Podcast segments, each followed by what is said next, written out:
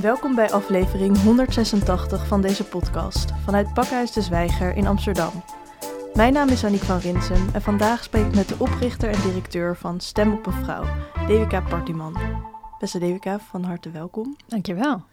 Wanneer is jouw politiek bewustzijn ontstaan? Oeh, ehm, dat moet rond een beetje 2013, 14 zijn geweest. Uh, ik, was, uh, ik was vrijwilliger bij Zwarte Piet is Racisme. En dat was toen een nou, relatief nieuwe beweging. En ik weet nog, nou ja, dat weten we denk ik allemaal nog wel. Uh, het hele land had soort van ruzie over de figuur Zwarte Piet.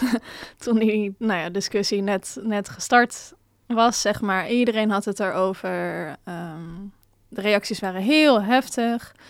En echt, nou ja, ik weet gewoon echt nog dat in vriendengroepen, families, op werk, mensen hadden er gewoon serieus ruzie over. Zeg maar, iedereen zei ook van, ik heb het gevoel dat ik een kant moet kiezen, bla bla bla.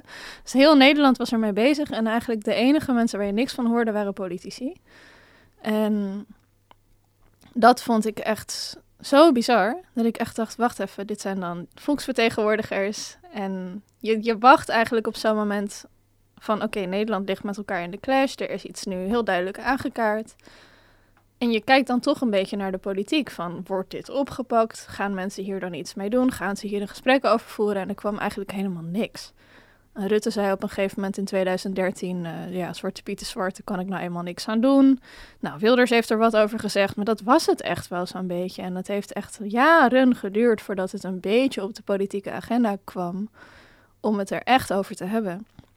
En uh, er zaten toen geen zwarte Nederlanders in de Tweede Kamer ook. Dat was natuurlijk niet toevallig, denk ik, voordat het niet serieus genomen werd. En dat was wel de eerste keer dat ik echt dacht: wow, dit is dus wat er gebeurd wordt als je echt niet gerepresenteerd wordt. Als je, je wordt dan gewoon letterlijk niet gehoord. En ja, je wordt gewoon genegeerd. ja. En dan, gaat het ook voor echt inzien dat, dat er vanuit de politiek geen actie wordt ondernomen. Maar ik neem aan dat je ook wel een soort van politiek bewustzijn had in de brede zin als je überhaupt al bij zo'n organisatie uh, actief werd. Ja, viel eigenlijk wel mee. Ik, uh, ik, was, ik stemde dan wel, zeg maar, vanaf dat ik 18 was. Ik was toen, uh, was ik denk 2, 23 of zo, iets ouder. En dus in die zin, ja, ik was wel maatschappelijk een beetje betrokken, maar ik deed daar niks mee. Ik, ik volgde ook bijvoorbeeld politiek echt niet. Uh, was ook niet eerder activistisch bezig, had nog nooit gedemonstreerd of zo. Dus in die zin viel eigenlijk best wel mee. Pas toen ik, uh, ik werd actief bij Zwarte Pieters Racisme, omdat een vriendin me meenam naar een expositie over, over die figuur en waar het vandaan kwam. En dat was eigenlijk echt mijn politieke awakening, van dat ik echt dacht, oh wow, wat, wat heftig deze geschiedenis en wat bizar dat we dit eigenlijk nog steeds doen. En toen heb ik me daar aangesloten en dat was voor mij echt het, het startpunt van, ja, iets gaan doen en met mensen in aanraking komen die ook heel veel bezig waren met, uh, ja, met activisme dan. En ja, dus dat was voor mij allemaal best wel nieuw, maar wel een uh, flinke vuurtoop. Ja, en wanneer raak je bekend met het feminisme? Um, ik denk wel dat ik. Ik heb niet echt een moment waarop ik denk. Oh, toen hoorde ik het woord voor het eerst. Of wat dan ook. Waarschijnlijk gewoon op school of zo. Of, of misschien wel thuis. Maar echt bewust dat ik bekend raakte met dat er in Nederland nog steeds feministen waren en dat er organisaties waren die daarmee bezig waren. Dat was nou vrij laat, misschien een jaar of acht, negen geleden. Um, ook weer eigenlijk via die antiracisme beweging, omdat je dan gaat zien, goh, wij zitten, dan ga je realiseren, oh ja, dit is een beweging van mensen en wat zijn er dan nog meer voor bewegingen? En dan zie je bijvoorbeeld op demonstraties opeens mensen die bij de klimaatbeweging zitten of bij, nou ja, uh, zo eigenlijk. En dan ontmoet je mensen die dan ook weer bijvoorbeeld feministisch zijn en daar dan over vertellen. Maar ik had daarvoor denk ik nooit echt mensen ontmoet die zich feminist noemden of zo. Maar het was wel voor mij heel logisch gelijk. Het is toen ik daar eenmaal mee in aanraking kwam, dacht ik, oh ja, ja, ja, nee, tuurlijk, belangrijk.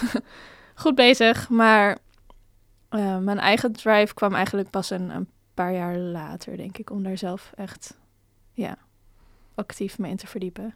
In 2016 was je met je ouders op vakantie in Suriname en toen kwam je in een museum een oude flyer tegen van een vrouwbeweging, het Vrouwenparlement Forum, mm waarop stond kies bewust stem op een vrouw. en dat zette bij jou nogal wat in beweging. En Ja. Namelijk, eh, dat was de inspiratie om jouw eh, organisatie Stem op een Vrouw op te richten. Weet je meer over dat, eh, die beweging van die Hmm. vrouwen? Eh, ik weet dat ze in de jaren negentig dus deze stemcampagne hebben gedaan. Dat er toen 10% van de mensen in het Nationale Assemblée, dus het Surinaamse parlement, waren toen eh, vrouwen, heel weinig dus. Ehm, en ik heb toen we begonnen natuurlijk wel even opgezocht van, goh, bestaan zij dan eigenlijk nog? Ook omdat ik dacht, nou, wij gaan nu eigenlijk een soort gelijk idee opzetten, geïnspireerd door hen in Nederland. Dus ik dacht, leuk als ze dat weten. En ze bleken nog te bestaan, dus ik heb ze ook wel eens gemaild, eh, maar niks teruggekregen. En ik denk sindsdien, elke keer als ik dit zeg, oh ja, ik moet het echt weer nog een keer proberen om, om contact te proberen te leggen. ehm, wat me vast wel een keer lukt. Maar verder weet ik dus eigenlijk heel weinig over wat ze doen. Ze zijn wel nog steeds dus actief, eh, doen nog steeds dingen rond, rond de vrouwenzaken in Suriname. Maar bij mijn weten niet meer specifiek rond politiek. En eh, daar ben ik ook wel benieuwd naar. Ja. Ja. En je, je las dat pamfletten, toen dacht je, nou, dit is heel logisch. eh, ik moet er wat mee. Ja. Ehm, maar hoe ben je van dat moment naar het echt oprichten van, van die organisatie gegaan? Ja, ik zag dat inderdaad. En ik was, dit was dus eind 2016 en begin 2017 waren er Tweede Kamerverkiezingen. Ehm, en ik denk dat ik... Ja, ik had gewoon een foto van die flyer genomen omdat ik dacht, goh, wat interessant. Het was ook net na de verkiezing van Trump in de VS. Dus er hing een soort van... Vrouwen in de politiek hingen echt in de lucht. eh, internationaal, denk ik. Eh, Hillary had verloren en zo. En nou ja, zo'n enorme nare man verkozen. En dat, dat heeft gewoon best wel een shockgolf, denk ik, toen veroorzaakt. En in die shockgolf zag ik dat en dacht ik, oh, eh, misschien is dit een mooi haakje voor mij om iets te doen. En ik was sowieso binnen, eh, wat ik zei, ik was actief in de antiracismebeweging. Maar ja, dat gaat natuurlijk, ging niet heel zeer, zozeer over mij, wat prima is. Maar dit ging wel echt over mij. Dit ging heel erg over oh ja, vrouwenrechten en vrouwen in de politiek en een grotere stem hebben. En dat, ik weet niet, het was het juiste moment in mijn leven, denk ik, dat ik dacht, ik wil meer mijn eigen strijd gaan voeren. En eh, het eerste wat ik toen heb gedaan, toen ik dacht, oh ja, misschien wil ik hier wel iets mee, was een vriendin van mij appen, Nikki, eh, Nikki Dekker. Dat was een van de weinige mensen die ik ken die uitgesproken feminist was. Eh, en dus ik had haar geappt. Die is van, hey Nikki, ik zag dit, een fotootje erbij. En ik wil hier misschien wel iets mee, eh, wil je helpen? En uh, Nikki zei nee, maar die heeft mij, dat geen tijd. Uh, maar die heeft mij toen gekoppeld aan een groepje feministen in Utrecht. Dat heette toen nog de New Girls Netwerk. Dat is later de bovengrondse uit ontstaan. En die zijn toen aangehaakt. En eh, een paar collega's van waar ik werkte. En een paar via via vrienden en weet ik het wat. En zo hadden we eigenlijk binnen een paar weken een groepje mensen verzameld die ook wel zei, oh ja, ik ben wel benieuwd, laten we er een keer over verder praten. Toen hebben we één grote vergadering gehad met z'n allen, waarin ik soort van ging presenteren van, kijk, dit heb ik gezien in Suriname en misschien kunnen we er wat mee. En daaruit toen is toen het, uh, ja, een groep mensen gekomen die zei, ja, we gaan ook een stemcampagne doen in, in Nederland. Het klinkt wel als een, als ik me zo voorstel, die periode ook best wel ener, ener, dat er veel energie, ja. positieve energie was. En wel echt een ja, vertrouwen dat er ook echt verandering kan komen. Klopt dat? Of? Hmm, ik weet niet of er per se vertrouwen en verandering was, maar wel, er was wel echt een hele, denk ik, strijdbare vibe. Dat mensen echt, uh, mensen wilden gewoon graag iets doen. En uh, het is dan natuurlijk misschien wel heel makkelijk als er al een soort kant-en-klaar idee ligt van zoiets en dat je daar gewoon achter kan gaan staan. Maar ik denk niet dat we hadden verwacht dat we per se veel gingen bereiken. Ik denk dat, dat we het heel erg deden omdat we er allemaal voelden, we willen gewoon iets doen nu. Er gebeurde iets waar we ons zorgen over maakten en er kwamen verkiezingen aan en we dachten we willen gewoon dat dit beter wordt. Er was toen in Nederland, waren er iets van 30% van de Kamerleden vrouw, 33 of zo. Gewoon veel te laag en het zag er ook niet naar uit dat het ging verbeteren per se. En dat, ja, was gewoon een drijfveer om te denken, nou, al, al doen we maar iets kleins, uh, laten we gewoon iets doen. En dat werd eigenlijk veel groter dan we hadden verwacht. Maar... Ja, want het is inderdaad wat je al zei, er lag al een soort van kant-en-klaar iets praktisch klaar wat echt impact heeft. Zou je kunnen uitleggen wat het idee van stem op een vrouw is? Wat, Ja. Hoe het werkt? Ehm, toen wij eh, dachten we gaan een stemoproep doen om te stemmen op vrouwen, gingen we natuurlijk eerst verdiepen in wat stemt een Nederlander eigenlijk wel op vrouwen. Ehm, daar bleek van wat we konden vinden dat best wel veel mensen dat al doen. Volgens mij toen iets van 10% van de kiezers eh, stemde standaard op de eerste vrouw op de lijst. Nou, 10% lijkt weinig, maar dat heeft een enorme impact als je die eh, honderden duizenden stemmen zeg maar slim neerzet. Dus wij dachten, oké, stel die 10% van mensen bereiken wij. eh, of die groep groeit, wat, wat krijg je dan voor effect? Nou, als er meer mensen op de eerste vrouw op de lijst stemmen, heeft dat eigenlijk geen effect. Puur symbolisch, leuk voor die eerste vrouw op de lijst. Maar die wordt toch wel verkozen, want die staat al hoog. Dus toen zijn we gaan nadenken, oké, wat kunnen we dan? En daar kwam uit dat we eigenlijk al die mensen die niet zo slim stemmen op vrouwen, willen motiveren om dat strategischer te doen. En zonder aan te wijzen op welke specifieke vrouw ze moesten gaan stemmen of wat dan ook. Het mooie aan het Nederlandse kiesstelsel is, we stellen, stemmen echt op een kandidaat, niet op een partij. Uh, dus als een kandidaat genoeg stemmen haalt, ook als die lager op de lijst staat bijvoorbeeld, word je gewoon verkozen in de Tweede Kamer. Dus dat zijn we, zijn we gaan gebruiken om te denken, oké, voor extra vrouwen in de Kamer heb je dus eigenlijk nodig dat mensen die wat lager staan, die vrouw zijn, omhoog gestemd worden. En omdat het gros van de kandidatenlijsten uit mannen bestaat, is de kans dan heel groot dat je hen omhoog stemt ten koste van een man die eigenlijk hoger op de lijst staat. Dus dat zijn we gaan promoten. Gaan uitleggen, oké, stel je partij krijgt vijf zetels. Nou, dan is het voor vrouw 1 tot en met 4. Grote kans dat ze het wel haalt, maar vanaf plek 5 wordt het spannend en lager al helemaal. Dus ja, ga daar dan zoeken. Zit hier een vrouw tussen die bij mij past? Uh, dat is natuurlijk wel belangrijk. En steun die met je stem. En als genoeg mensen dat doen, uh, dan wordt zij extra verkozen en vervangt zij iemand die hoger staat en dat is vaak een man. En we dachten eigenlijk dat dit niet ging werken. Want ja, er staan op de gemiddelde kieslijst 50 kandidaten of zo. Mhm. Dus dat zijn heel veel vrouwen vaak om uit te kiezen. Dus wij dachten, ja, al die kiezers die gaan dan misschien wel een kandidaat lager kiezen. Maar dat zijn allemaal verschillende vrouwen. Dus dan krijgen allemaal verschillende vrouwen niet genoeg stemmen voor die voorkeurszetel. Dus wij dachten eigenlijk, nou, we gaan actie voeren, maar we denken niet dat het echt iets oplevert. En toen bleek toch dat heel veel kiezers dan naar dezelfde vrouwen neigen.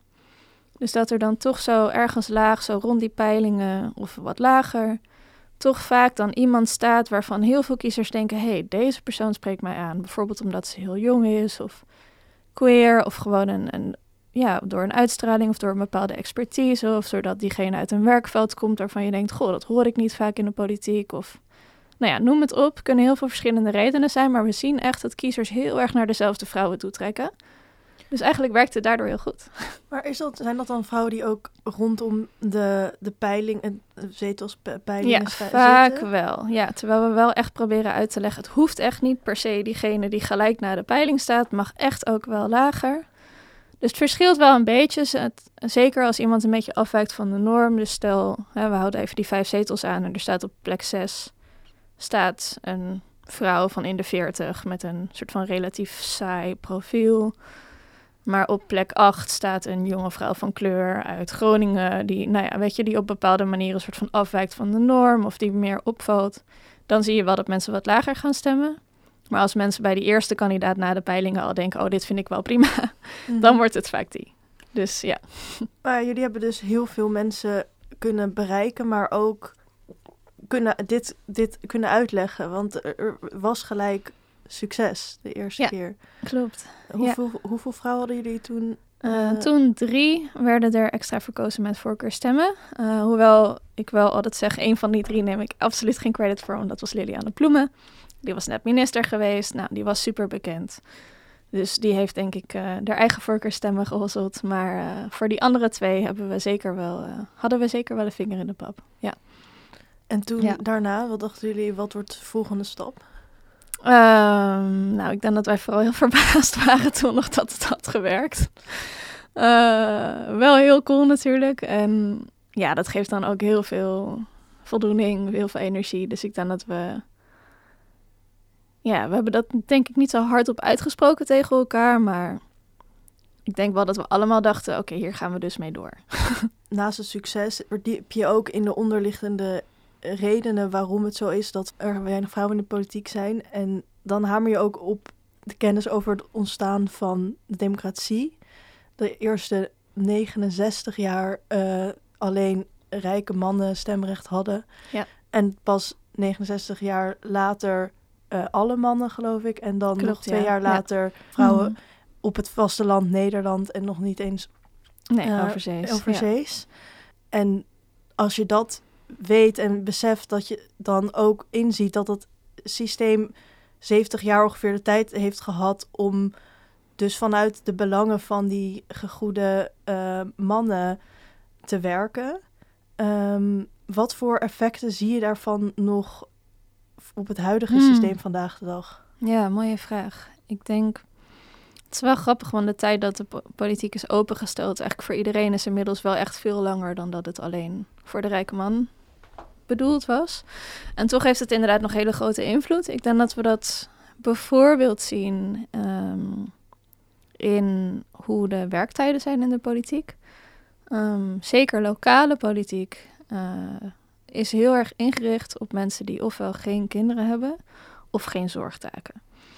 Uh, dus bijvoorbeeld gemeenteraden vergaderen nog steeds vaak uh, door de week s'avonds en dan bijvoorbeeld zonder eindtijd. Nou, dat is gewoon niet te doen als je bijvoorbeeld een oppasthuis hebt van 16. Ja, dan kan je niet tegen zeggen, ik kijk wel even hoe laat ik thuis kom. Dat gaat gewoon niet. Dus dat soort nou ja, eigenlijk ongeschreven regels die toch een voorwaarde zijn om politiek actief te worden. Dus dat je meegaat in, nou ja, ook het Tweede Kamer lidmaatschap, wat gewoon 80 uur in de week kost, als het niet meer is. Dat soort dingen, dat konden mannen doen. Waarom konden mannen dat doen? omdat zij, als ze een gezin hadden bijvoorbeeld, iemand hadden die dat allemaal voor hen regelde. En alleen al in dat soort dingen zie je gewoon van ja, dat het, in die zin is politiek actief worden nog steeds een luxe die niet iedereen zich kan veroorloven, omdat je het niet altijd kan combineren. En het was vroeger ook, uh, zeker lokaal, meer een erebaan. Dus het verdient bijvoorbeeld ook nog steeds best wel weinig. Uh, je hebt weinig arbeidsrechten. Uh, waarom? Het waren vaak rijkere families. Die hadden dat allemaal niet zo nodig. Um, en bijvoorbeeld ook als je kijkt naar, er is nu een minister met zwangerschapsverlof. Um, en dat, of net met zwangerschapsverlof geweest of zoiets. Dat was dan de tweede vrouwelijke minister ooit voor wie dat gold. En de grap is er, is, er bestaat geen politiek zwangerschapsverlof. Dus diegene zegt wel, ik ga met zwangerschapsverlof. Maar wat er eigenlijk gebeurt, is dat je je ziek meldt. Je hebt namelijk geen enkel recht op een zwangerschapsverlof. Laat staan dat er een ouderschapsverlof is. Daar mag je je dus ook weer niet ziek voor melden. Dus er zijn heel veel dingen uh, niet geregeld voor vrouwen in de politiek, die in, voor vrouwen in elke andere arbeidssector, want het is een arbeidssector, vind ik, uh, wel geregeld zijn. En dat is gewoon, ja, het is gewoon nooit belangrijk gevonden, denk ik. Er is bijvoorbeeld pas sinds 2012 kinderopvang in de buurt van de Tweede Kamer, waar Kamerleden gebruik van kunnen maken. Het, is allemaal, het loopt allemaal nog zo achter. Het is een eigenlijk een sector die nog steeds langzaam ingericht wordt op het feit dat daar überhaupt vrouwen rondlopen. En uh, ja, dat blijkt gewoon nog steeds uit heel veel van dat soort kleine, subtiele cultuurdingen. Je zegt ook dat politiek ook een arbeids ja, uh, sector, sector ja, is. Vind ik tenminste. Vind maar, jij? En, en wat maakt dat uit? Dan kan je uitleggen wat, wat het ja, belang is van dat op die manier zien? Ja, nou ja, je hebt bijvoorbeeld uh, in de politiek uh, verschillende. Nou ja, als je in elke andere sector heb je arbeidsrechten. Dus bijvoorbeeld, je bouwt pensioen op. Je hebt recht op vakantiedagen. Je hebt recht op je zwanger- en ouderschapsverlof. Uh, je hebt recht op als een familielid overlijdt, dat je dan daar volgens mij een week of zo. Je hebt allerlei van dat soort arbeidsrechten als je in een sector werkt. Zeker met een CAO, maar überhaupt als je arbeider bent, heb je gewoon bepaalde rechten. Als je werkt heb je rechten. Maar bij de politieke baan uh, mist dat eigenlijk. Dat is dus voor heel veel werkende mensen in Nederland geregeld, eigenlijk behalve voor hen. Dus je bouwt geen pensioen op, uh, je hebt geen vakantiedagen, je hebt geen ouderschapsverlof, je hebt geen zwangerschapsverlof, al die dingen. Het is er gewoon niet. En daarmee wordt het eigenlijk, je hebt ook geen werkgever. Dus ja, je, je bent, als je verkozen bent, uh, mensen zeggen ook wel eens, ik ben in dienst van het volk. dat is in die zin een beetje je werkgever. Maar ja, het volk gaat jou geen pensioen uitbetalen. Dus je hebt geen uh, ook bijvoorbeeld functioneringsgesprekken of zo, zijn er ook voor heel veel politici niet. Dus het is heel moeilijk om te functioneren en je eigen functioneren bij te stellen en, en gebruik te maken van nou ja, rechten die je in elke andere sector zou moeten hebben, om dat in de politiek ook zo ja, geregeld te krijgen. Want je moet eigenlijk overal toestemming voor vragen aan je collega's. Mag ik met zwangerschapsverlof? Mag ik muziek melden? Omdat Mag ik, muziek melden? Precies. uh, maar ook, ja, je moet dus zorgen dat als je politiek actief bent en dat ga je, stel je doet dat lang, nou, dan heb je dus heel lang geen pensioen opgebouwd. Dat is best wel ingewikkeld. Dus hoe ga je daar dan mee om? Ga je dan voor een hele goed betaalde politieke baan en daar heel veel van sparen? Maar hoe doe je dat dan als je gemeenteraadslid bent? Dan moet je er dus naast werken. Nou ja, dus het zijn allerlei. Ja, dat is gewoon best wel ingewikkeld. En je ziet dat organisaties die zich bezighouden met arbeidsrecht, of dat nou de Sociaal-Economische Raad is, of uh, vakbonden, of dat soort dingen, dat, dat bestaat dus allemaal niet voor politici. Dus die organisaties houden zich ook niet bezig met de werkomstandigheden van politici. Ja, en dat maakt dus dat het een nog meer uh, een luxe positie is die je moet hebben mocht je daar middelen hebben om zo'n functie te bekleden. Maar het moet ook weer vanuit de politiek komen om daar verandering in te brengen. Klopt, ja. En ja, daar wordt het toch nog vaak niet belangrijk genoeg gevonden. En ik denk dat ook veel politici werken dus heel hard. Uh, en je zit er vaak zo in dat dat stukje afstand nemen en even nadenken, wacht even, hoe kan dit ook anders? Is denk ik voor heel veel mensen, ja, er, je hebt er te weinig afstand van, zeg maar. Dus ik denk ook dat veel politici die wij spreken pas achteraf doorhebben, wacht eens even, misschien is het eigenlijk wel een beetje raar, dan ben je er alweer uit. ja, omdat ze op dat moment zo erg in dat systeem zitten dat ze geen, misschien niet eens tijd hebben om, om omdat ze dus ook overwerkt zijn. Precies, en waarin iedereen dit ook normaal vindt. En ja, en waarin dit ook dus heel weinig voorkomt. Want ja, zo'n zwangerschapsverlof in een politiek is nog steeds vrij uniek. Het gebeurt heel weinig. Omdat gewoon er heel weinig mensen politiek actief worden. Die uh, op een actieve kinderwens hebben waar ze op dat moment wat mee willen doen. Dus mensen maken echt een keuze. Ik ga nu de politiek in, dus ik ga gewoon vier jaar geen kind krijgen. Dus de issues komen ook veel minder op. Ja, en dan is het ook niet vreemd. Je was laatst bij een, een debat over ja, threadwives en uh, versus feministen werd het eigenlijk gesteld, waarin specifiek huismoeders en, en, en, moeders zich heel erg ondergerepresenteerd voelen en in de maatschappij van vandaag de dag het idee hebben, er wordt niet opgekomen voor onze rechten. Ja. Maar um, jouw antwoord zou dan denk ik zijn: we hebben juist feminisme uh, nodig. Zeg maar, zij denken soms van feminisme is doorgeslagen, want vrouwen moeten nu en voor de kinderen zorgen en, hmm. uh, en, werken. Ja. Hmm. Maar het, vanuit eh, jouw perspectief is het juist, denk ik, um, we moeten dus juist politici hebben die vrouw zijn en zwanger zijn, kunnen zijn en moeder zijn. Precies. En daar in dat systeem inderdaad uh, de middelen voor brengen die, die nodig zijn. Ja, absoluut. Ja, ik bedoel, ik denk dat we allemaal, of tenminste steeds meer ook sociale onderzoekers zien gewoon van de, de moderne vrouw, zeg maar, die uh, zit in te veel spagaten tegelijk. Zeker als je een gezin hebt uh, en inderdaad moet werken en ook nog mantelzorgen en dan ook nog er goed uit moet zien. En nou ja, weet ik het wat je allemaal en moet sporten en ook nog moet genieten van je leven en op vakantie moet gaan. Alles wordt een moedje op het moment dat je gewoon te veel ballen in de lucht moet houden. En dat is denk ik een hele. Daar is gewoon heel weinig aandacht voor. En ja, ook weer de vrouwen die dus politiek actief zijn, representeren die groep ook niet goed genoeg vaak. Omdat ze ook dus die keuze zelf hebben gemaakt om dat bijvoorbeeld niet te combineren, omdat het voor hen niet te doen is. Ja. Dus bijvoorbeeld de alleenstaande moeder is denk ik in Nederland, überhaupt de alleenstaande ouder, nou, die kan niet de politiek die kan niet de politiek in. Dus dat zijn belangen die gewoon daar echt nauwelijks gehoord worden. En dat is, ja, dat is echt heel problematisch. Ja. dat is ook de armste groep mensen in Nederland, is alleenstaande ouder. En er wordt veel te weinig aan gedaan, omdat hun situatie niet voldoende bekend is bij politici. Ja, ja dat, is, dat is een heel duidelijk voorbeeld van waarom uh, ruimte maken voor die representatie heel erg hard nodig is. Ja. Um, je hebt ooit gezegd dat je ervan overtuigd bent dat betere representatie leidt tot meer gelijkheid, empathie en vrede. Ja. dat is een hele sterke claim. En zeker ook uh, nu. Maar het lijkt me eigenlijk juist daarom wel belangrijk om het erover te hebben. Ehm, op welke manier denk je dat dat werkt? Um, nou ja, het zijn er dus drie. Wat, we, wat hadden we? Gelijkheid, vrede en... Empathie. Empathie, dankjewel. ik denk gelijkheid, uh, onderzoek die er is over representatie. En representatie is dan simpelweg, nou ja, is een bepaalde demografische groep, groep goed vertegenwoordigd in, in bijvoorbeeld de volksvertegenwoordiging. Uh, we weten dat als mensen zelf kunnen meepraten op hetzelfde machtsniveau zeg maar, als de rest, dus niet alleen kunnen meepraten, maar ook echt mee beslissen, uh, dat hun belangen gewoon simpelweg veel meer worden gehoord. En ja, neem bijvoorbeeld, ik vind sport altijd wel een lekker, lekker makkelijk voorbeeld. Uh, stel je maakt sportbeleid.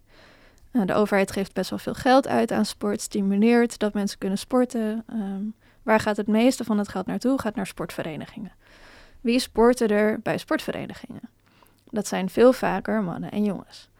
Dus de manier waarop er nu door de overheid met sport wordt omgegaan en wat zij stimuleren, uh, is nog heel erg eigenlijk vanuit masculien perspectief en nog veel minder vanuit, goh, wat, wat doet eigenlijk de breedte van de samenleving aan sport? Dus er is weinig aandacht voor beweging voor oudere mensen, dus weinig aandacht voor sport- en bewegingsvormen die vrouwen en meisjes vaker doen.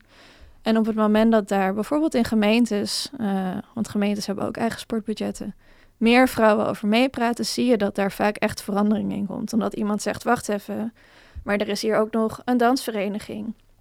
En er is hier ook nog een initiatief in de wijk waar ouderen samen kunnen bewegen in de zomer. En er is ook kunnen we. Ja, dus dat perspectief wordt gewoon breder. En dat leidt uiteindelijk gewoon tot een meer gelijke verdeling van, nou ja, alles. In dit geval van geld. dus dat iedereen toegang krijgt tot kunnen sporten. En uh, met staatssubsidie, zeg maar. Dus dat is denk ik een. Ja, dat zijn vaak hele concrete dingen van. hey, iemands belangen worden gewoon meer gehoord, dus meer gelijkheid.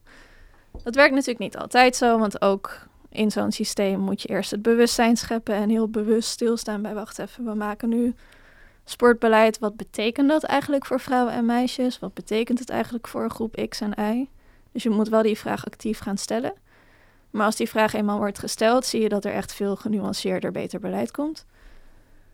Um, qua empathie, het is een beetje cliché, maar we weten helaas, het is wel echt een beetje helaas, dat uh, vrouwen inderdaad zorgzamer zijn, vaker met anderen bezig zijn. Uh, dat is gewoon hoe we, ja, vaak denken, zeggen mensen dan dat is de natuur, dat is niet de natuur, dus gewoon hoe we worden opgevoed. Dat is gedrag wordt heel erg wordt gestimuleerd bij vrouwen en bij meisjes om zorgzaam te zijn, om na te denken over je omgeving, om te zorgen voor mensen. Ja, dus dat geldt ook voor, uh, voor politiek. Dat op het moment dat daar meer vrouwen actief zijn, de kans groter is dat empathie en je willen verplaatsen in andere mensen, dat dat toeneemt. Uh, dus niet alleen maar je eigen belangen, maar nadenken over de rest. Kunnen mannen natuurlijk ook hoor, daar niet van. want, want, ik dacht ook bij die claim dat je misschien ook bedoelde dat als er uh, politici in één uh, ruimte samen van verschillende mm. groepen zijn, dat, dat er meer erkenning of herkenning voor de uh, problematiek van die groep of waar die groepen mee worstelen. Is dat ook iets wat je daarmee bedoelde? Of heb je het echt ja. over meer vrouwen, meer empathie.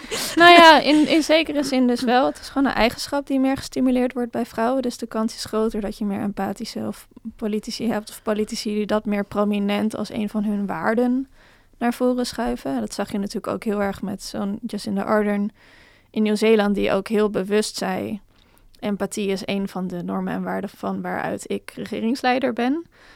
Uh, dat, ja, dat is vaker, denk ik, bij vrouwen het geval.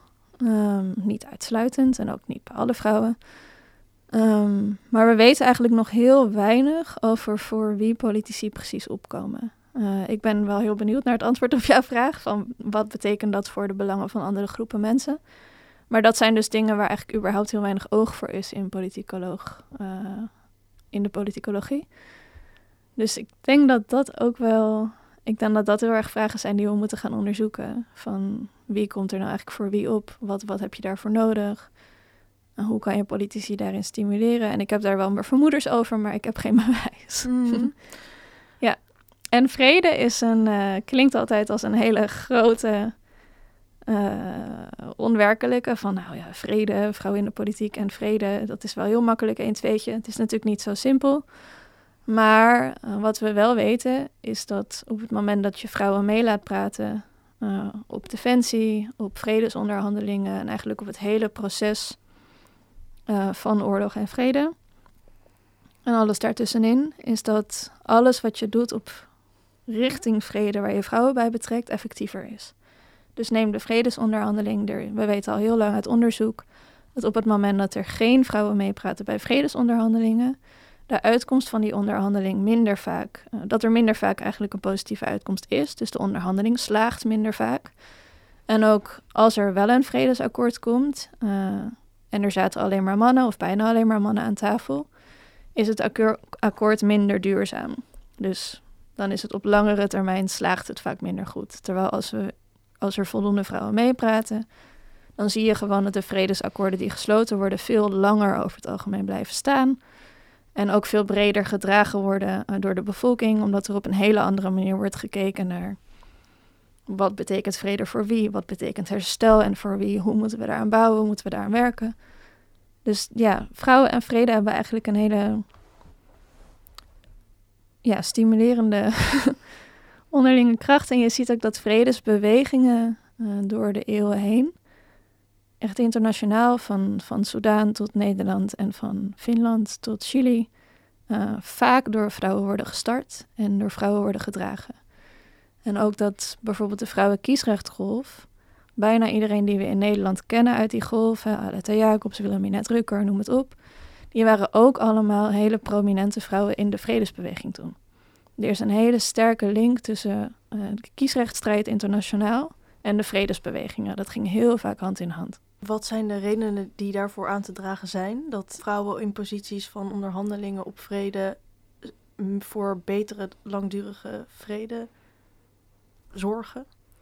Um, nou ja, ik, ik noem oorlog altijd sowieso grappend een beetje een mannenhobby. In gesprekken tussen mannelijke leiders onderling, zeker in de situatie van oorlog, um, zit vaak een soort van krachtmeting. En dat is natuurlijk niet heel bevorderlijk voor een positieve uitkomst. Uh, en sowieso wordt er denk ik, ja, het is gewoon wel een beetje cliché, maar met meer vrouwen aan tafel wordt er ook veel meer gepraat over bijvoorbeeld de gevolgen van de oorlog op de bevolking. Dus niet alleen, oké, we moeten hier als twee overheden uitkomen, maar ook je moet twee bevolkingen weer bij elkaar brengen. En je moet de schade die kinderen hebben opgelopen gaan herstellen. Je moet de schade die vrouwen hebben opgelopen door bijvoorbeeld seksueel oorlogsgeweld, moet je ook gaan herstellen. Je hebt, uh, er zijn misschien wel heel veel mannen overleden. Dat gebeurt in sommige oorlogen, want ja, wie, wie worden er naar het front gestuurd? Uh, dat zijn mannen. Dus daarna heb je, je hebt ook situaties gehad in het verleden met oorlogen waarin er opeens heel weinig mannen meer waren in verhouding. Dus dan heb je ook echt die vrouwen nodig om uh, dat herstel te gaan bouwen en om de samenleving weer op te bouwen. En op het moment dat je daar te weinig aandacht voor hebt, heb je eigenlijk het risico dat je als regeringen wel zegt nou vooruit, maar daar niemand in meeneemt. En ja, ik denk dat dat uh, heel vaak in vredesonderhandelingen ook de kracht van vrouwen is geweest om het dus breder te trekken. Ja, en ik denk dat hierin een, een heel groot probleem is dat uh, die vredesmissie of die uh, aandacht voor het herstel van een maatschappij en, en voor mensen als een soort bijzaak wordt gezien ja. op het wereldtoneel. Mm -hmm. um, en dus je zou kunnen zeggen dat komt omdat uh, de mannen de macht nu hebben. Maar ook, ik denk dat veel vrouwen ook hebben geïnternaliseerd van wij hebben een andere taak. Ja, absoluut. Uh, ja. Mm -hmm. um, hoe kijk jij daarnaar? Ja, nou ja, in dit geval, ik denk, ik denk in zekere zin dat we daar. Het is jammer natuurlijk dat we allemaal in een soort culturele hokjes opgroeien. Dus een man moet, moet X en Y zijn en een vrouw moet uh, Y en X zijn. En in dit soort gevallen uh, vult dat elkaar dan aan. je kan het denk ik in die zin wel zien als, als yin en yang. Um, maar de waarheid is natuurlijk veel complexer en het kan, het zou mooi zijn als elk mens die volledige breedte van zichzelf kan ontwikkelen. En dat is dan denk ik nu niet voldoende zo in de huidige samenlevingen. En daardoor heb je gewoon die vrouwen aan tafel wel altijd nodig, omdat dat een ja, bepaalde cultuur met zich meebrengt en een bepaald gesprek met zich meebrengt, wat niet zou ontstaan met alleen mannen onderling. Ehm, zonder dat iedereen over één kant te willen scheren, want er zijn altijd uitzonderingen op de regel. Maar ja, aan de ene kant jammer en aan de andere kant moet je het er denk ik ook gewoon mee doen. En, en denken, dit is de cultuur nu. Uh, en dat betekent dat je daarop moet inspelen. Dus dat je weet dat je het niet gewoon over... Nou ja, dat je dingen zoals alles rond geweld, wapens, defensie, aanval, verdediging... Uh, maar vooral ook conflictbestrijding en conflictbemiddeling en alles daaromheen, uh, dat je daar altijd een diverse groep mensen op zet. Dat dat gewoon cruciaal is, want een conflict ontstaat natuurlijk ook veel makkelijker als er een niet diverse groep mensen tegenover elkaar staat. Je zegt ook van ieder individu, uh, het zou mooi zijn als ieder individu de ruimte krijgt om zich te ontwikkelen los van de hokjes. Maar dan, dan komen er twee dingen bij mij op. Ten eerste dat um, vrouwen ook de mogelijkheid moeten hebben om in de vaste structuren um, aan het roer te staan. Maar je zou ook kunnen zeggen, we moeten af van het belangrijker vinden van dus die krachtmeting. Dat, dat dat betekent dat je een goede leider bent. Mm Maar wat, wat, misschien is het te utopisch, maar wat zou er gebeuren als, als, uh, als vrouwen die dus vinden dat empathie en vrede het grootste goed zijn en nadenken over de ander, als die denken: het is juist mijn rol om te leiden, het is juist mijn rol om mm aan voor, voor, voorop te staan bij of het nou een land is of een organisatie of wat dan ook. Want het feit dat dat mijn prioriteit is, maakt niet dat ik een minder geschikt ben als een mhm. leider. Of dat betekent niet dat ik niet een rol heb als leider.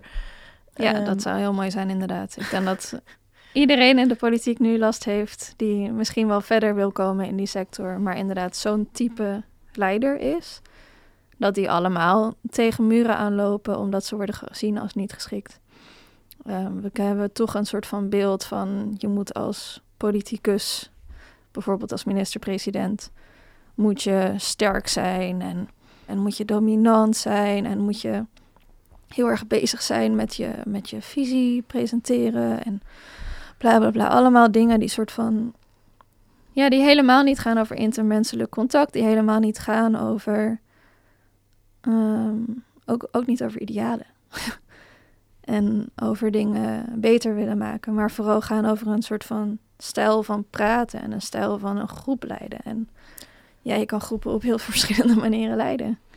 Ja, precies, het gaat het lijkt meer te gaan op het winnen van het spel dat er al staat, in plaats van het veranderen of het richting geven mhm. aan de, de groep mensen die je vertegenwoordigt. Ja.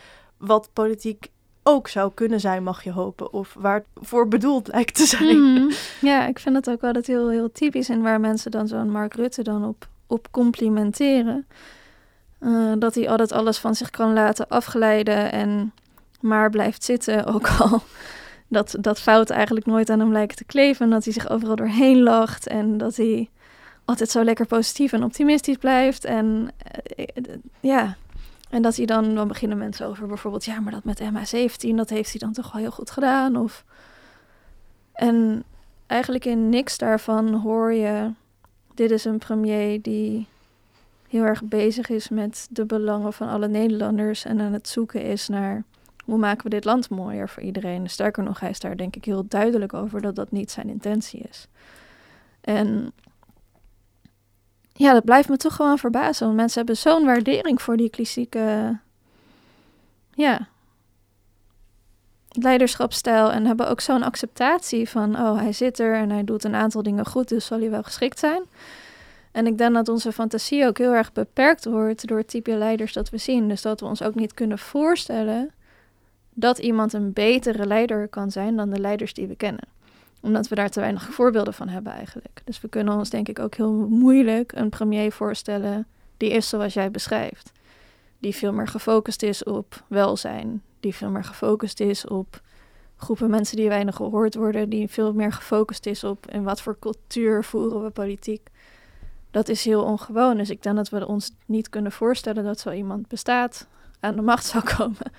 Laat staan dan ook nog dingen voor elkaar krijgt. Want dat zien mensen dan als hè, belangrijk. Je moet dingen voor elkaar krijgen. En het gevoel dat iemand dingen voor elkaar krijgt, dat geloven we veel sneller bij iemand die we zien als hard. Want dan denk je, nou, die kan met de vuist op tafel slaan. Daar luisteren mensen wel naar. En uh, ja, dat kan. Ik bedoel, je kan met de vuist op tafel slaan, maar je kan ook heel goed zijn in interpersoonlijk contact en, en mensen horen en daar wat mee doen. En daardoor heel veel voor elkaar krijgen. Maar dat, dat zien we denk ik gewoon te weinig om te snappen dat het ook werkt. Heb jij voorbeelden van wanneer je dat hebt gezien of kan jij het je wel voorstellen? Ja, heb ik wel voorbeelden van. Een van mijn favoriete voorbeelden is van Maria Liberia Peters. Zij was de eerste langzittende, langzittende vrouwelijke premier van het Nederlands Koninkrijk. Ze was premier uh, van de voormalige Nederlandse Antillen in de jaren tachtig. En uh, zij heeft een keer een anekdote verteld uh, die ik hier heel treffend voor vind. Ze komt uit Curaçao en op Curaçao was heel lang een grote olieraffinaderij, volgens mij nog steeds. Destijds Shell. En Shell had aangekondigd dat ze vertrokken van het eiland. Nou, dat zou het verlies hebben betekend. En dat betekende ook het verlies van heel veel banen. En van veel inkomsten voor, voor de eilanden. Dus dat was een hele serieuze eigenlijk, economische crisis die eraan zat te komen voor, uh, voor de voormalige Antillen. Waar zij mee moest dealen. En dit was vlak voor haar herverkiezing. Dus uh, Shell zou gaan stoppen. En nou ja, zij moesten als overheid, moesten ze daar natuurlijk wat mee. Er ging in één keer veel werkgelegenheid verloren, veel inkomsten voor, uh, voor Curaçao en de eilanden. En zij hebben toen gezegd, ja, op korte termijn moeten we de belasting verhogen. Um, want anders gaan we het gewoon niet redden met z'n allen. Dan hebben we gewoon als overheid niet genoeg geld om de samenleving draaiende te houden. En dat is zeker vlak voor verkiezingen geen populaire beleid. En zij hebben toen gezegd, onder haar leiding, oké, het moet toch. We gaan toch die belasting verhogen. We gaan het voor de verkiezingen ook al zeggen. En ik denk dat we veel politici kennen die dan zouden wachten tot na de verkiezingen, want anders word je niet herverkozen. Maar zij dachten dat is niet fair.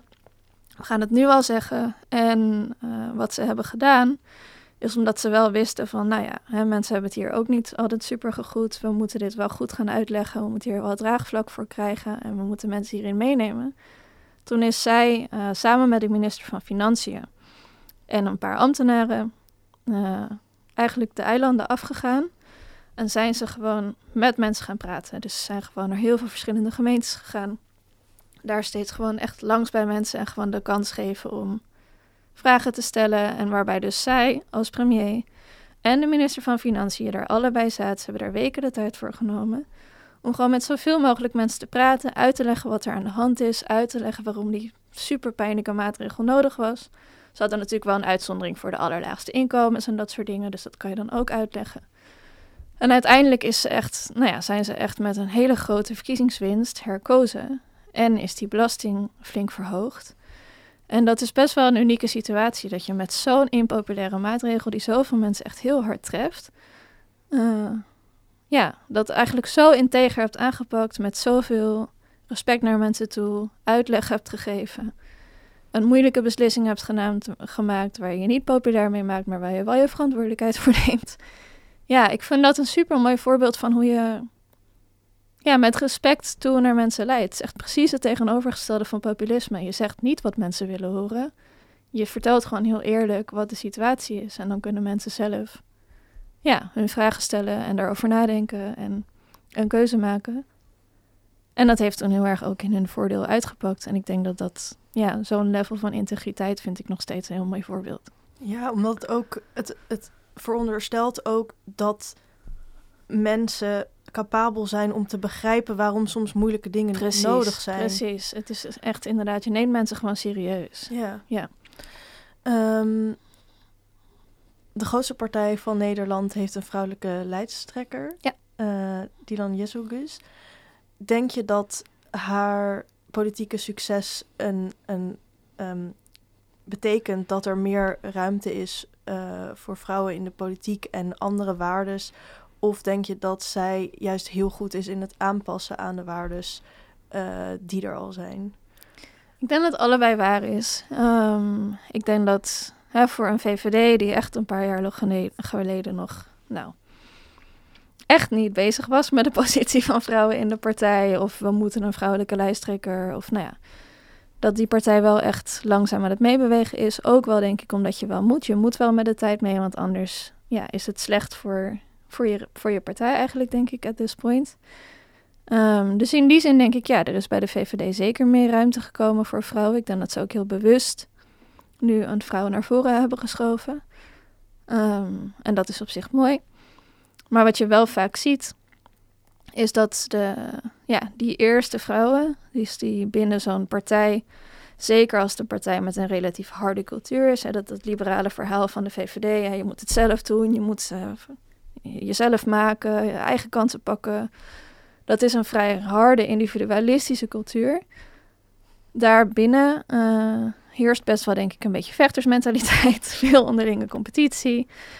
Um, ja, kan alleen maar, denk ik, een eerste vrouw naar boven komen die zo mogelijk nog harder is dan al haar mannelijke voorgangers. Om maar te laten zien, nee, ze, ze kan het echt. Weet je wel, om te laten zien, het is niet omdat ze vrouw is, kijk maar wat een pitbull. Weet je wel, mhm. dat gevoel. En we, we, zien, we hebben dat gezien bij Margaret Thatcher bijvoorbeeld. Die ook, nou ja, niet voor niets de Iron Lady heette. Dat soort vrouwen worden vaak als eerst naar voren geschoven na die vele mannen omdat ze nog het meest, denk ik, aan die, aan die masculine norm voldoen. Uh, dus in die zin, ja, er is meer ruimte voor vrouwen, maar uh, het is dan wel het aantrekkelijkst voor zo'n partij om een vrouw te kiezen die nog wel op heel veel andere vlakken voldoet aan de leiderschapsclichés. Wat zegt dat voor jou als het gaat om representatie? Um, nou ja, ik denk dat representatie twee kanten heeft. De ene is puur symbolisch. En dat is bijvoorbeeld dat wanneer je als kind opgroeit en naar de televisie kijkt, naar het jeugdjournaal, en dat je iets ziet over politiek en je ziet daar vrouwen, dat dat uitmaakt voor dat kind, die helemaal niet doorheeft wie zijn dan die vrouwen of wat dan ook, maar dat je beeld van politiek en hoe dat wordt gevormd, dat daar automatisch vrouwen bij horen vanaf jonge leeftijd, dat is super, super, super belangrijk. Het, we weten gewoon uit onderzoek dat dat bij kinderen en bij jongeren heel erg stimuleert dat ze ook politiek als mogelijkheid zien in de toekomst. Dus dat het stemgedrag stimuleert, dat het politieke ambitie stimuleert. Omdat je gewoon ziet, hé, hey, dat kan ik blijkbaar ook worden. dus dat is alleen al heel erg waardevol. Aan welke vrouwelijke politici dan ook die zichtbaar zijn, dat ze op kinderen, voor kinderen gewoon laten zien, dit kan jij ook worden. En de andere kant van representatie gaat meer over de inhoud. dus idealiter is het natuurlijk zo dat wanneer je meer vrouwen in de politiek hebt, ook vrouwenbelangen meer gehoord worden. En ik denk wat we daarover weten is dat de kans simpelweg groter is bij vrouwelijke politici dat ze de belangen van vrouwen meenemen dan bij mannelijke politici. Dat betekent niet dat elke individuele vrouw een strijder voor feminisme is, om het maar even zo te zeggen. En ook niet dat elke individuele man dat niet is. En ik denk in iemand als Dylan uh, zie je daar heel erg wrijving ontstaan. Dus ze is een super zichtbare vrouw. Ze is ook nog Turks-Nederlands, Koerdisch-Nederlands. Ze is ook nog, hè, ze heeft achtergrond als vluchteling. Haar ouders zijn politieke vluchtelingen. Dat zijn dingen die je niet snel associeert met een hele zichtbare Nederlandse politieke leider. Dus dat is fantastisch. dat is oprecht, dat is bijzonder, dat is supergoed. Het is mooi dat dat naar voren wordt geschoven. En aan de andere kant denk ik dat mensen juist, zeker bij een grote partij, waarvan mensen ook nog zeggen premierskandidaat, dat je dan ook zo graag die andere kant van die representatie wil. Dat veel mensen een beetje teleurgesteld zijn van ja, dan heb je zo'n bijzonder profiel. En dan zou je toch hopen dat zo iemand juist voor de positie van vrouwen, juist voor de positie van vluchtelingen, nou noem het op, uh, ook die stem is die we niet gewend zijn van die leiders. En ja, dat is denk ik in haar geval minder zo. En dat veroorzaakt ja, bij veel mensen denk ik een zekere teleurstelling of zelfs een soort van pessimisme van, nou levert het dan wel wat op. wat we weten is dat als je alle politici bekijkt met een profiel zoals Dylan, uh, puur demografisch, vrouw, vluchtelingenachtergrond, um, migratieachtergrond, hoe je het ook, nou ja, in wat voor hokjes ook allemaal past. Dat als je die groep naast de witte niet-migrantenman legt, dat je echt wel gaat zien dat de groep waar die land demografisch toe behoort, veel vaker opkomt voor de rechten van vluchtelingen, veel vaker opkomt voor de rechten van vrouwen. Dylan heeft overigens in het verleden wel degelijk ook veel gedaan voor, voor vrouwen, uh, samen met andere vrouwelijke politici. En haar politieke succes inspireert waarschijnlijk ook weer andere mensen om actief te worden en te, te denken van oké, er is wel plek voor mij in de politiek die misschien meer voor die belangen op zullen komen. Precies, ja. En ik bedoel, iedereen heeft ook gewoon het recht om niet aan clichés te voldoen, denk ik. Mhm, zeker. en het laat juist ook, hè, los van wie die politieke leiders zijn, ik, denk, ik vind het heel treffend aan deze tijd. Dat we nu zien dat juist meer op rechtsconservatief, um, rechtsindividualistisch, dus VVD, boer-burgerbeweging, dat daar nu uh, vrouwelijke leiders eigenlijk aan het hoofd van de partij staan. Terwijl we denk ik de samenleving verwacht dat dat veel meer gebeurt. Uh, juist bij een GroenLinks P van de A, juist bij een D66, waar ze dan nu weer uh, mannelijk leiders hebben. En ik denk ook dat dat elkaar heel erg kan stimuleren. Dus dat juist ook zo'n Dylan uh, misschien wel heel erg stimuleert bij andere partijen, dat ze toch ook de volgende keer het aandurven om een vrouw als lijsttrekker ja, aan te stellen. Hoe verklaar je dat dat nu op deze manier zich ontwikkelt? dat, wordt, dat is per partij een heel ander verhaal. Ik bedoel, PvdA GroenLinks is natuurlijk een heel interessant visieproces aan het doorgaan, waarin ze heel op zoek waren naar een bepaald type mens. Uh, en ik denk dat Timmermans door de winst van de PvdA bij de Europese verkiezingen een paar jaar geleden, dat die een soort van belofte met zich meebrengt voor veel mensen van, oh, als we die naar voren schuiven, dan krijgen we verkiezingswinst. Um, omdat dat toen met Europa is gebeurd. Voor mij is dat helemaal niet per se 1 en 1 is 2, maar ik denk dat daar zo'n wens is om groot te worden, zo'n wens is naar macht. Dat ze toch zijn vervallen in, nou, wat past daarbij in ons ouderwetse hoofd? toch dan weer die machtige witte man die eerder een verkiezingssucces heeft gehad. Dus dan is het te eng blijkbaar gebleken om een minder bekend iemand aan te stellen of om een vrouw aan te stellen die niet al. Wat betreft de VVD heel progressief. Wat dat betreft, nou ja, dat is wel het mooie aan zo'n hele individualistische partij, is dat je wel, als je dus als individu naar boven hebt geknokt, maakt het niet meer uit wie je bent. En dat, ik bedoel, uh, zegt ook niet voor niets, uh, heeft ze wel eens in interviews gezegd van ja, ze komt ook van de SP ooit hè dat ze soms uh, aan de linkerflank van het politieke spectrum niet kansen kreeg die ze bij de VVD wel, wel heeft gekregen. En ik, mm -hmm. ik denk dat daar, ja, dat we in die zin allemaal nog wel iets kunnen leren van die liberale partijhouding. En die is echt niet altijd gezond. maar in dit geval, ja, kon zij dus daar wel op dezelfde stijl als de rest doorheen vechten. Ja. Stel je voor, de representatie wat betreft man, vrouw is 50-50. Uh, wat gaat stem van de op een vrouw dan nog doen? Um, nog steeds heel veel, denk ik. We zien bijvoorbeeld dat uh, uh, de uitval van vrouwelijke politici nog best wel hoog is. Um, dus ik denk dat op het moment dat we 50-50 hebben en dan zeggen, nou top, we zijn klaar. Dat je dan tien jaar later weer met 40% vrouwen in de politiek zitten, omdat ze gewoon net zo hard weer uitstromen. Um, ook omdat het, als je het hebt over duurzaam kunnen meedoen, er nog te veel misgaat. Uh, want op het moment dat je wel dan op een gegeven moment die vrouw, 50% vrouwen op de lijst hebben gezet, maar al die werkomstandigheden zijn nog steeds niet anders, ja, dan merken vrouwen toch op een gegeven moment, oké, ik kan het niet combineren, dan toch maar weer één termijn. Of ik krijg veel meer haat dan mijn mannelijke collega's, ik ga toch maar stoppen. En als je dat allemaal niet aanpast, ja, moet je voor eeuwig eigenlijk hiermee doorgaan en steeds weer een nieuwe generatie vrouwen de politiek insturen, die er dan weer teleurgesteld uitgaan. En dan weer opnieuw beginnen. Dus dat is niet duurzaam. Dus ik denk dat representatie is stap 1. Uh, eh, het is een hele belangrijke stap. Je moet echt naar die 50% gaan. Idealiter zelfs naar 60% zegt onderzoek, omdat je dan pas echt uh, de dominante norm goed kan bevragen. En dat er dan nog een slag nodig is, die we nu al kunnen proberen te maken naar dat de politiek voor vrouwen veel toegankelijker moet worden intern. Dus binnen de partijen, binnen het systeem, binnen de werkomstandigheden. Het moet allemaal veel meer ingericht worden op iedereen. Ehm, zodat mensen het gewoon duurzaam kunnen blijven doen, het veilig kunnen blijven doen. En die politieke cultuur moet echt anders. We zijn nu aan het werk aan beetje de switch van niet alleen belangrijk om voor op vrouwen te stemmen, maar ook voor de belangen van vrouwen. En dat gaat niet eens zozeer over partijprogramma's, maar over wat doet jouw partij nou eigenlijk om vrouwen in de partij een veilige werkplek te geven, om vrouwen te werven. Om luistert de partij naar wat zij nodig hebben. Is er bijvoorbeeld een vrouwennetwerk waar ze bij elkaar kunnen komen? Uh, zijn er, is er mentorschap beschikbaar? Zijn er klachtenprocedures waar mensen ook echt een goede procedure kunnen hebben? En het niet alleen maar weggemoffeld wordt omdat je bang bent voor een mediaschandaal. Is er, wordt er iets gedaan aan dat interne geëlleboog of niet? Is er ruimte voor verschillende types leiders? Kunnen mensen doorstromen ook als ze nieuw zijn? Dus niet als je al twintig jaar de politiek in zit, wat dus vaker mannen zijn, word je alleen maar dan wethouder. Of mag het ook als je nieuw bent, maar wel super geschikt.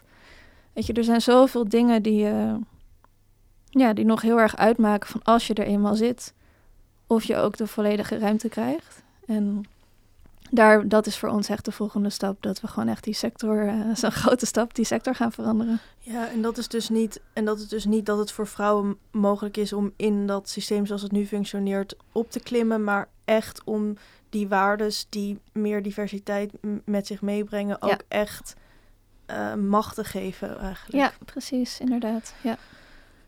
Um, je hebt gezegd dat je zelf ook wel uh, politieke ambities hebt, maar dat je het liever zoals Hedy Dancona zou willen en dan als activist direct gevraagd worden als minister. ja, dat heb ik eh, een paar jaar geleden gezegd. is dat nog steeds je doel? Um, nou, het was denk ik nooit per se een doel om, om bijvoorbeeld minister te worden, maar ik, heb, ik ben wel, ik ben denk ik meer comfortabel uh, als teamleider dan als gewoon lid van een team. Uh, ik ben ook niet voor niets directeur. Uh, ik vind dat een, een leuke rol om te hebben, zeg maar. Dus ik denk ook voor mij, ik heb natuurlijk wel eens gedacht, zal ik politiek actief worden? En dat dan een leiderschapsrol daar het meest in past. Maar ja, wat ik net al zei, de politiek werkt vaak zo dat je eerst dan 15 jaar je strepen moet, hebben, uh, moet verdienen om die leiderschapsrol te krijgen. En ja, geef mij maar direct, zeg maar. Dat hoeft echt niet gelijk minister. Het mag. Ik weet niet of ik dat leuk zou vinden. Met een mooi ministerie is dat natuurlijk misschien wel heel gaaf en betekenisvol. Maar dat kan ook uh, lokaal zijn of op een hele andere manier. Maar dat, ja, als je je hebt bewezen als leider buiten de politiek, um, ja, dat je ook die kans kan krijgen intern, zonder dan eerst helemaal vanaf de bodem, zeg maar, te beginnen. En niet dat er iets mis is met die bodem, om het maar even zo te zeggen. Het is niet slechter om raadslid te zijn dan om wethouder te zijn, bijvoorbeeld. Maar ja, je hebt gewoon verschillende rollen die wel of niet bij je passen, denk ik. En wat maakt dat, dat leidinggeven zo goed bij jou past? Ik vind het, uh, nou ja, ik heb ADHD. en ik ken bijvoorbeeld, stel je hebt een vergadering, ik vergader heel veel. dan is het voor mij puur alleen al vanwege concentratie makkelijker om de vergadering te leiden. Uh, zodat ik een hele actieve rol heb. Dan dat ik onderdeel ben van de vergadering. Uh, omdat ik het dan veel moeilijker vind om me te concentreren. dus alleen al gewoon voor mijn hersenen is het gewoon. En voor mijn eigen concentratie en functioneren in een groep. Is het heel prettig als ik een hele duidelijke rol heb. Uh, en is die van bijvoorbeeld de vergadering leiden, het gesprek leiden. Dat, die actieve rol als ADHD'er heel prettig. Uh, dat voegt goed, daar kan ik mijn energie in kwijt. Uh, daar kan ik mijn focus in kwijt, zeg maar. Dus dat, het is denk ik voor mij een soort van... Nou ja, ik weet niet of, of het natuurlijk is, maar het is een... Ik heb er veel in kunnen oefenen. En inmiddels voelt dat als mijn natuurlijke rol in een groep vaak. Dat ik denk, oh ja, ik, neem dat heel makkelijk aan. En ik zie ook om me heen dat me dat makkelijker afgaat dan veel mensen die ik ken. En dus ik krijg daar meer energie van. Ik vind het leuker. En ik vind het ook echt leuk om uh, ja, wel met mensen te werken en te kijken wat ze nodig hebben. En ja, gewoon heel veel op te halen. En als leider kan je denk ik gewoon heel veel met mensen praten. En dan vervolgens weer dat proberen goed te doen. Dat is super uitdagend. Maar het houdt mij wel scherp. Ik merk gewoon dat, ik dat, ding, dat dat echt dingen zijn die ik leuk vind. Dus ik denk vooral daarom dat ik weet van... Niet per se omdat ik nou zoveel beter ben dan andere mensen die ook leiding kunnen of willen geven. Maar omdat ik gewoon merk van... Dat is de rol die mij goed ligt. En als je dan politiek actief wordt, kan je denk ik beter doen op een plek waar je... Ja, gewoon zo goed mogelijk functioneert. Ja. Heb je overwogen om je eigen partij op te richten? nee, absoluut niet. Nee, nee, nee. Dat is, uh, ik vind het echt super knap als mensen dat doen. Het kost echt ongelooflijk veel werk. Um, en ik bedoel, ik leid nu ook een organisatie, maar een politieke partij is uh, nog wel even andere koek. En dat lijkt me heel eerlijk gezegd gewoon best wel veel gedoe. En, uh, en ik denk ook voor mij, ik heb niet het. Uh, ik heb niet de, ook niet de illusie dat de perfecte partij bestaat of dat ik die dan moet gaan inrichten of zo. Ik denk, ik kan prima met de partijen die er nu zijn en daar binnen mijn weg vinden. En uh, ja, dus ik, ik, denk dat ik in die zin ook niet een noodzaak voel voor nog een partij, zeg maar. 22 november zijn de verkiezingen. Daar zijn jullie heel hard mee bezig. Wat houdt dat in jullie werkzaamheden nu? Um, we doen eigenlijk een paar dingen altijd in verkiezingstijd. Dus de eerste is onze stemcampagne weer op poten proberen te krijgen. Dat bestaat uh, voor het belangrijkste deel uit weer mensen oproepen om slim op vrouwen te stemmen en dat uit te leggen. Uh, maar we hebben ook een stemhulp die ergens deze week weer online gaat, waarin je dan alle politieke partijen kunt vinden waarop je kunt stemmen. Er zijn er 26 stuks dit keer. En waarbij je alle vrouwelijke kandidaten kunt vinden. Dus stel je twijfelt nog tussen twee partijen en je denkt, goh, wie staan er nou eigenlijk op die lijst? Dan kan je naar onze stemhulp en dan kan je gaan kijken van, oké, wie zijn die vrouwen? En dan hebben we al hun informatie voor je verzameld. Dus hun profiel op de website van de politieke partij, hun Instagram, hun LinkedIn, alles wat we konden vinden staat daar. En dan kan je daar naartoe om je echt te verdiepen in wie al die vrouwen zijn. Dus dat proberen we ook heel erg te pushen, omdat we wel zien, zeker als je het hebt over vrouwen die lager op de lijst staan, ja, die zie je gewoon niet op de televisie, die watten. Die zie je niet langskomen in de media, die krijgen heel weinig aandacht. Dus die proberen we op die manier zichtbaar te maken en vindbaar te maken. En verder zijn we aan het werk aan een soort checklist voor politieke partijen. Um, om te kunnen toetsen of zij intern genoeg doen om vrouwen een plek te geven. En dat is echt van zitten er vrouwen in het partijbestuur, tot hoe zit het met de klachtenprocedures, tot is er een vrouwennetwerk, tot staan er vrouwen op de lijst. Al dat soort checks zijn we aan het maken en hebben we toevallig. Ik heb ze denk ik dit weekend naar de meeste partijen verstuurd. Met dan de info die we hebben verzameld. En daar mogen ze dan feedback op geven en aanvulling op geven van dit klopt of het klopt niet. Of hier heb je nog meer informatie. En we gaan proberen dat nog voor de verkiezingen naar buiten te krijgen. Uh, ook omdat we het belangrijk vinden dat we laten zien aan de politieke sector. Hartstikke leuk dat jullie nu meer vrouwen op de lijst aan het zetten zijn. Helemaal goed van die paar vrouwelijke lijsttrekkers. Maar jullie moeten intern ook aan de slag. Dus dat gaan we ook rond de verkiezingen. Dat zou er nog voor, maar kan er ook vlak na worden. Uh, gaan we dat ook nog presenteren. Heel erg bedankt dat je ondanks die drukte ook de tijd hebt genomen om hier naartoe te komen. Ja, sowieso. Thanks. Beste luisteraars. Dit was aflevering 186 van de podcastserie van Pakhuis de Zwijger. Wil je meer weten? Kom dan naar het programma Stel je stem scherp op dinsdag 14 november om 8 uur in Pakhuis de Zwijger. Vind je het leuk wat we doen? Overweeg dan vriend te worden via dezwijger.nl slash word-vriend. Of abonneer je op deze podcast via Spotify, Soundcloud, Apple Podcast of een ander podcastplatform. Bedankt voor het luisteren en tot de volgende keer.